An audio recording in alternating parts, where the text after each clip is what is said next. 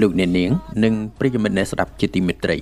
ធនធានព្រៃឈើបានផ្ដល់សារៈប្រយោជន៍យ៉ាងច្រើនក្រៃលែង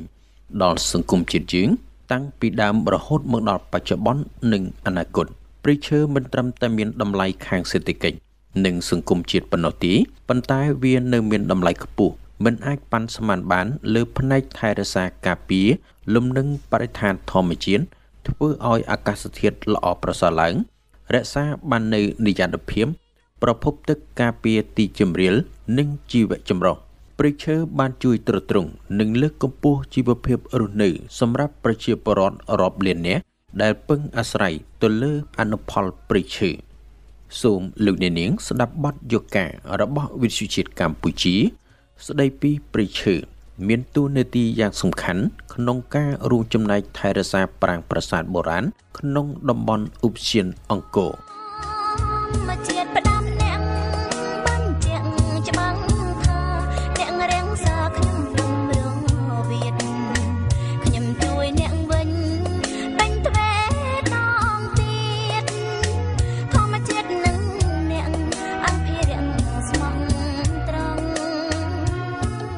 លោកអ្នកនាងស្ដាប់ជាទីមេត្រី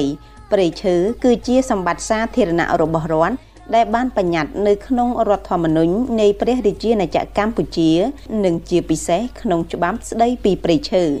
ដោយហេតុផលនេះប្រជាពលរដ្ឋគ្រប់រូបត្រូវមានកាតព្វកិច្ចចូលរួមចំណែកថែរក្សាការពារអភិរក្ស និងអភិវឌ្ឍព្រៃឈើឲ្យមានប្រសិទ្ធភាព និងនិរន្តរភាព ដើម្បីជាប្រយោជន៍ដល់មនុស្សជាតិចំនួនបច្ចុប្បន្ននិងចំនួនក្រោយៗទៀតសកម្មភាពកាប់ឈើខុសច្បាប់ ការកាប់ព្រានដីព្រៃឈើនិងបាត់ល្មើសព្រៃឈើផ្សេងផ្សេងទៀត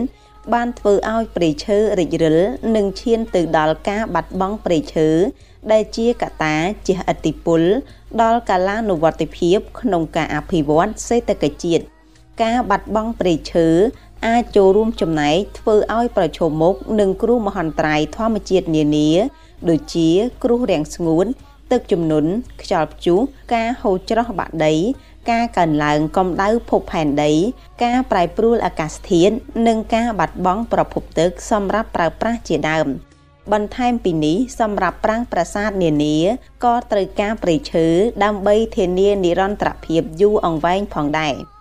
លោកយិតច័ន្ទដរតអគ្គនាយករងអាជ្ញាធរជាតិអប្សរា បានឲ្យដឹងថាក្រៅពីកិច្ចការងារអភិរក្សប្រាំងប្រាសាទអាជ្ញាធរជាតិអប្សរាក៏មានតួនាទីមួយទៀតគឺការពារថែរក្សា និងអភិរក្សព្រៃឈើនៅក្នុងតំបន់រមណីយដ្ឋានអង្គរព្រោះថាព្រៃឈើជាសម្បត្តិធម្មជាតិដ៏មានតម្លៃបំផុត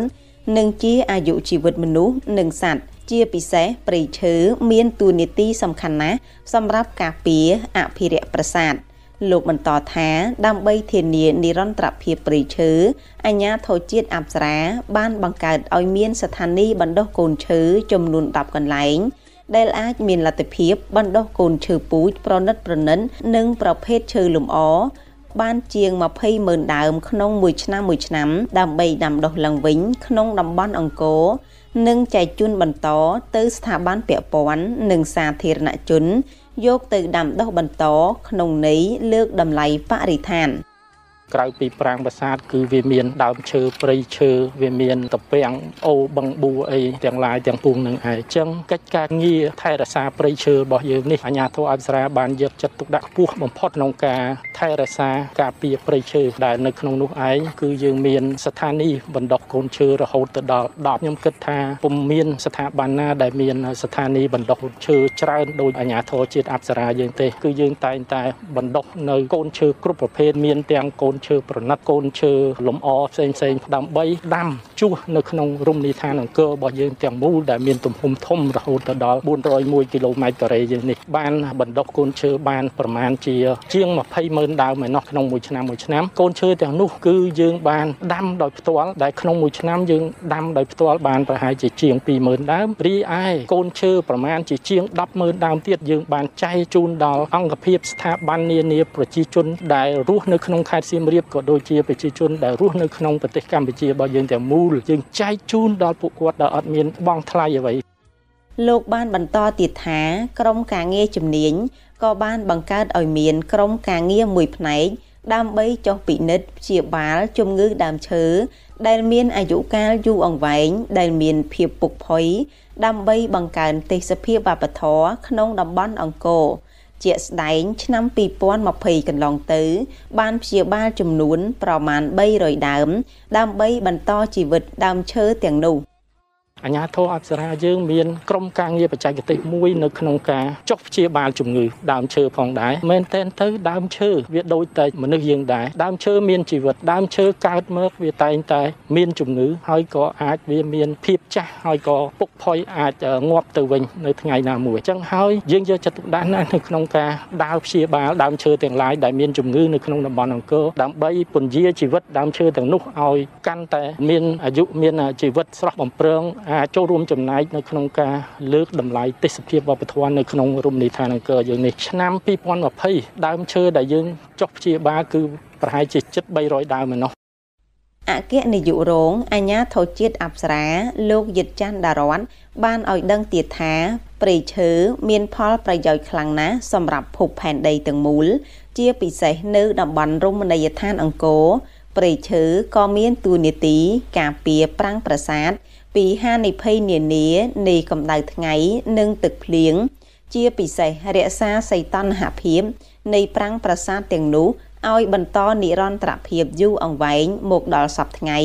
និងទៅអនាគត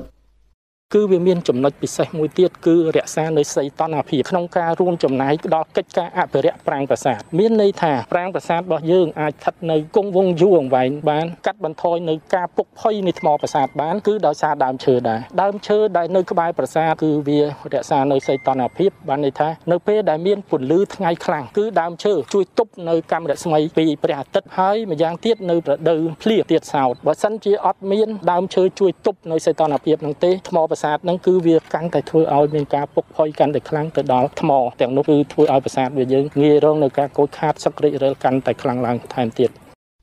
លោកបានបន្តទៀតថាទន្ទឹមនឹងផលប្រយោជន៍ដែលទទួលបានដើមឈើមួយចំនួន បានផ្ដល់ផលប៉ះពាល់មកកាន់ប្រាសាទនិងមនុស្សព្រោះថាដើមឈើខ្លះដុះជាប់នឹងប្រាសាទឬគៀកខ្លាំងនឹងកន្លែងធ្វើចរាចរណ៍ដែលអាចបង្កហានិភ័យដល់ប្រាសាទ និងអាយុជីវិតមនុស្សដែលតម្រូវឲ្យមានការកាត់ក្រៃនិងដកហូតដើមឈើទាំងនោះចេញជៀសវាងបង្កគ្រោះថ្នាក់នាថ្ងៃខាងមុខ។ យើងដឹងហើយរមណីយដ្ឋានអង្គរយើងសម្បូរដើមឈើហើយដើមឈើមួយចំនួនគឺដុះគៀកខ្លាំងផ្ទាល់ទៅនឹងប្រាសាទហើយនឹងដុះគៀកខ្លាំងទៅនឹងកន្លែងដែលមនុស្សធ្វើចរាចរណ៍អញ្ចឹងជារៀងរាល់ឆ្នាំយើងបានសិក្សានៅផែនទីហានិភ័យនៃដើមឈើបានន័យថាដើមឈើនៅកន្លែងណាខ្លះដែលវាអាចផ្ដល់នៅគ្រោះថ្នាក់ទៅដល់ប្រាសាទក៏ដូចជាទៅដល់មនុស្សនៅក្នុងនោះឯងយើងបានសិក្សានៅឆ្នាំ2020យើងពិនិត្យឃើញថាដើមឈើអាចមានហានិភ័យទៅដល់មនុស្សក៏ដូចជាទៅដល់ប្រាង្គប្រាសាទគឺមានប្រហែលជា3000ដើមឯណោះប៉ុន្តែការងាររបស់អាជ្ញាធរអប្សរាវាមានវិសាលភាពធំធេងប្រាសាទរាប់រយដែលយើងត្រូវធ្វើការអភិរក្សដើមឈើរាប់សែនដើមដែលយើងត្រូវថែរក្សាផងដែរអញ្ចឹងហើយក្រុមការងារបច្ចេកទេសរបស់អាជ្ញាធរអប្សរាគឺយើងតែងតែចុះតាមដានពិនិត្យមើលដើមឈើប្រសិនបើយើងឃើញថាដើមឈើណាដែលមានហានិភ័យខ្ពស់គឺយើងតែងតែស្នើសុំដល់ថ្នាក់ដឹកនាំដើម្បីធ្វើការកាត់ដកហូតដើមឈើនោះដើម្បីបញ្ជៀសនៅផលប៉ះពាល់អវិជ្ជមាន លោកច័ន្ទឋានាប្រជាពលរដ្ឋមួយរូបរស់នៅក្នុងក្រុងសៀមរាបបានបង្ហាញការគ្រប់គ្រងចំពោះអាញាធរជាតិអប្សរាថាពិតជាល្អប្រសើរនៅពេលមានការថែរក្សាការពារនិងបណ្ដុះកូនឈើសម្រាប់ចែកជូនប្រជាពលរដ្ឋជាពិសេសការងារដាំដុះឡើងវិញកន្លែងដែលសឹករិចរិលនៅតំបន់អូសៀនអង្គរដើម្បីបង្កើនទេសភាពបៃតង ព្រោះថាព្រៃឈើមានសារៈសំខាន់ខ្លាំងណាស់សម្រាប់ភពផែនដីទាំងមូល។ សកម្មភាពអាញាធរអប្សរារាល់ថ្ងៃនេះឃើញថាល្អមែនទែនក្រៅពីគ្រប់គ្រងតំបន់រមណីយដ្ឋានគោបានបណ្ដុះកូនឈើជាច្រើនម៉ឺនដើមនៅក្នុងមួយឆ្នាំមួយឆ្នាំហើយជាពិសេសដាំកូនឈើឡើងវិញនៅកន្លែងដែលរិចរិលអត់មានដើមឈើនិងជាពិសេសនៅមុខអង្គរដាំកូនឈើបានឡើងវិញក្រោយពីអាញាធរជាតិអប្សរាបានដាំកូនឈើឡើងវិញនៅតំបន់រមណីយដ្ឋានគោឃើញថា កន្លែងធ្លាប់តារិចរិលអញ្ចឹងមានដើមឈើមានរុក្ខជាតិអីឡើងវិញមានភាពតាក់ទាញជាងមុនជាពិសេសភាពបៃតងនៅក្នុងតំបន់រមណីយដ្ឋានអង្គរខ្ញុំគិតថាដើមឈើមានសារៈសំខាន់ណាស់សម្រាប់ប្រាសាទក៏ដូចជារមណីយដ្ឋានអង្គរក៏ដូចជាប្រទេសកម្ពុជាក៏ដូចជាពិភពលោកទាំងមូលព្រោះដើមឈើមិនត្រឹមតែផ្ដល់ជាមលុបប៉ុណ្ណោះទេដើមឈើអាចផ្ដល់នៅអុកស៊ីសែនដល់បរិយាកាសជុំវិញបាទ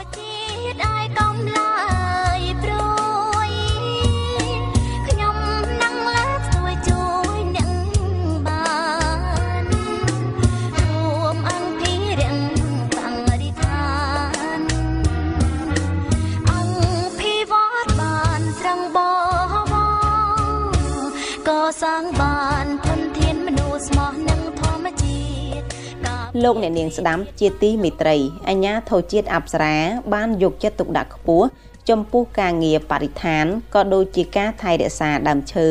និងការបង្កើតឲ្យមានស្ថានីយបណ្ដុះកូនឈើរហូតដល់10ទីតាំងជារៀងរាល់ឆ្នាំស្ថានីយទាំងនោះបណ្ដុះកូនឈើបានប្រមាណជាង20ម៉ឺនដើមចាប់តាំងពីឆ្នាំ2004មកអញ្ញាធរជាតិអប្សរាក្រៅពីខិតខំថែរក្សា និងព្យាបាលដើមឈើដែលមានស្រាប់ គឺបានដាំដើមឈើបន្ថែមសរុបជាង2លានដើមមកហើយក្នុងតំបន់អង្គរ